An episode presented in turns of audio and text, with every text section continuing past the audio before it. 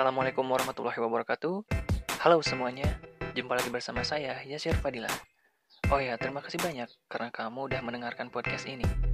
Senang bisa ketemu kamu di sini dan saya ingin berbagi tentang tips pengembangan diri, karir, skills, atau cara yang bisa membuat kamu menjadi lebih baik. Karena saya tahu kamu punya potensi.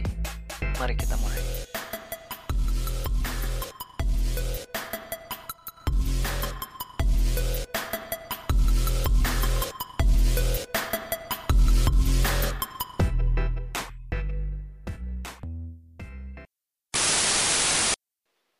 Di episode kali ini, saya ingin membahas tentang peta jalan karir.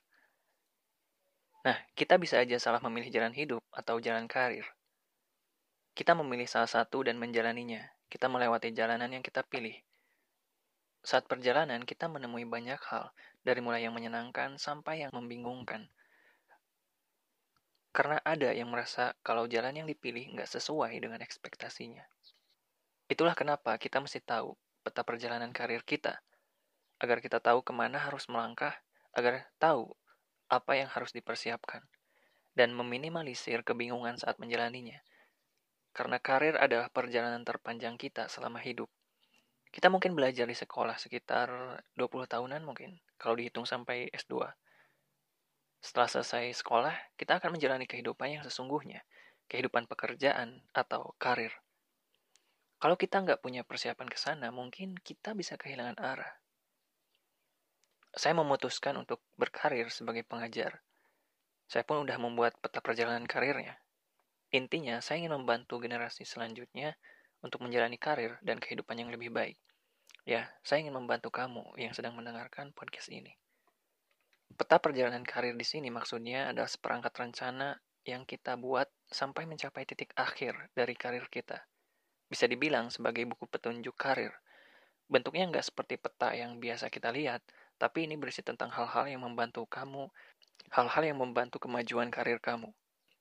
Salah satu hal yang ada di peta perjalanan adalah goal setting atau action plan yang akan saya bahas sekarang.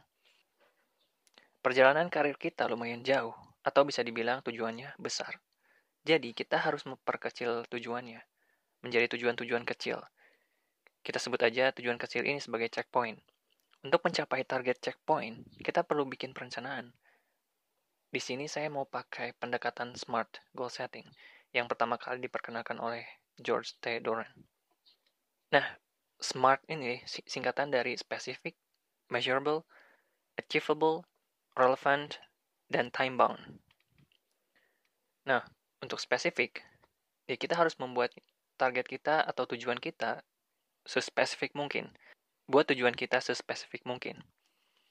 Misalnya, target karir saya menjadi pengusaha makanan terbesar di Indonesia. Saya coba spesifikkan targetnya. Pertama, saya memulai dengan menjual makanan dari kampung ke kampung sampai mencapai laba 10 juta per bulan. Setelah berhasil, saya baru mulai melakukan ekspansi ke kota besar, dan seterusnya. Intinya, spesifik. Nah, untuk measurable, pastikan targetnya itu bisa diukur. Jadi misalnya tadi target menjual makanan dari kampung ke kampung masih bisa diukur ya. Dan laba yang dihasilkan pun bisa diukur dari waktu ke waktu sampai mencapai angka 10 juta per bulan. Atau bisa diturunkan jadi 5 juta mungkin. Yang pasti harus bisa diukur. Nah, terus selanjutnya achievable.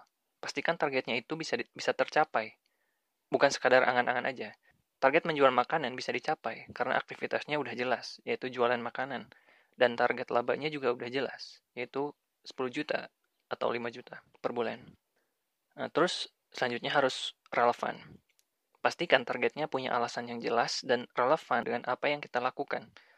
Alasan menetapkan target itu agar bisa mendekatkan saya ke target utama, yaitu memiliki perusahaan makanan terbesar di Indonesia. Dan aktivitas yang dilakukan juga relevan, yaitu melakukan produksi makanan dan berjualan. Nah, untuk selanjutnya, time bound. Biar targetnya bisa tercapai, kita harus menentukan batas waktu pencapaiannya. Setelah targetnya jelas, kita harus menentukan kapan waktu pencapaiannya. Apakah satu bulan, satu tahun, atau lima tahun. Oke, katakanlah target menjual makanan biar bisa mencapai 10 juta per bulan adalah dua tahun, tepatnya di bulan Desember 2023. Nah, itu tadi sekedar contoh aja ya.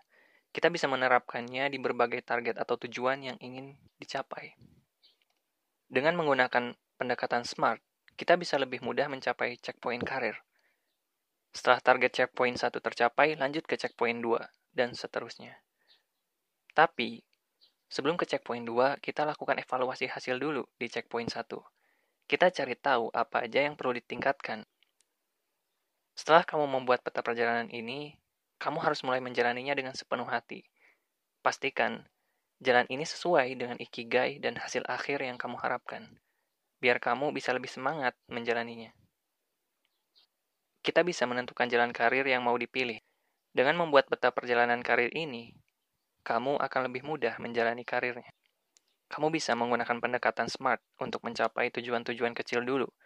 Anggap aja itu latihan yang mengantarkanmu menuju tujuan besar.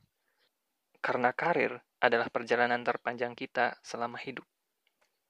Siap melakukan perjalanan? Semoga bermanfaat ya. Saya Yasir Fadila, sampai jumpa di episode selanjutnya.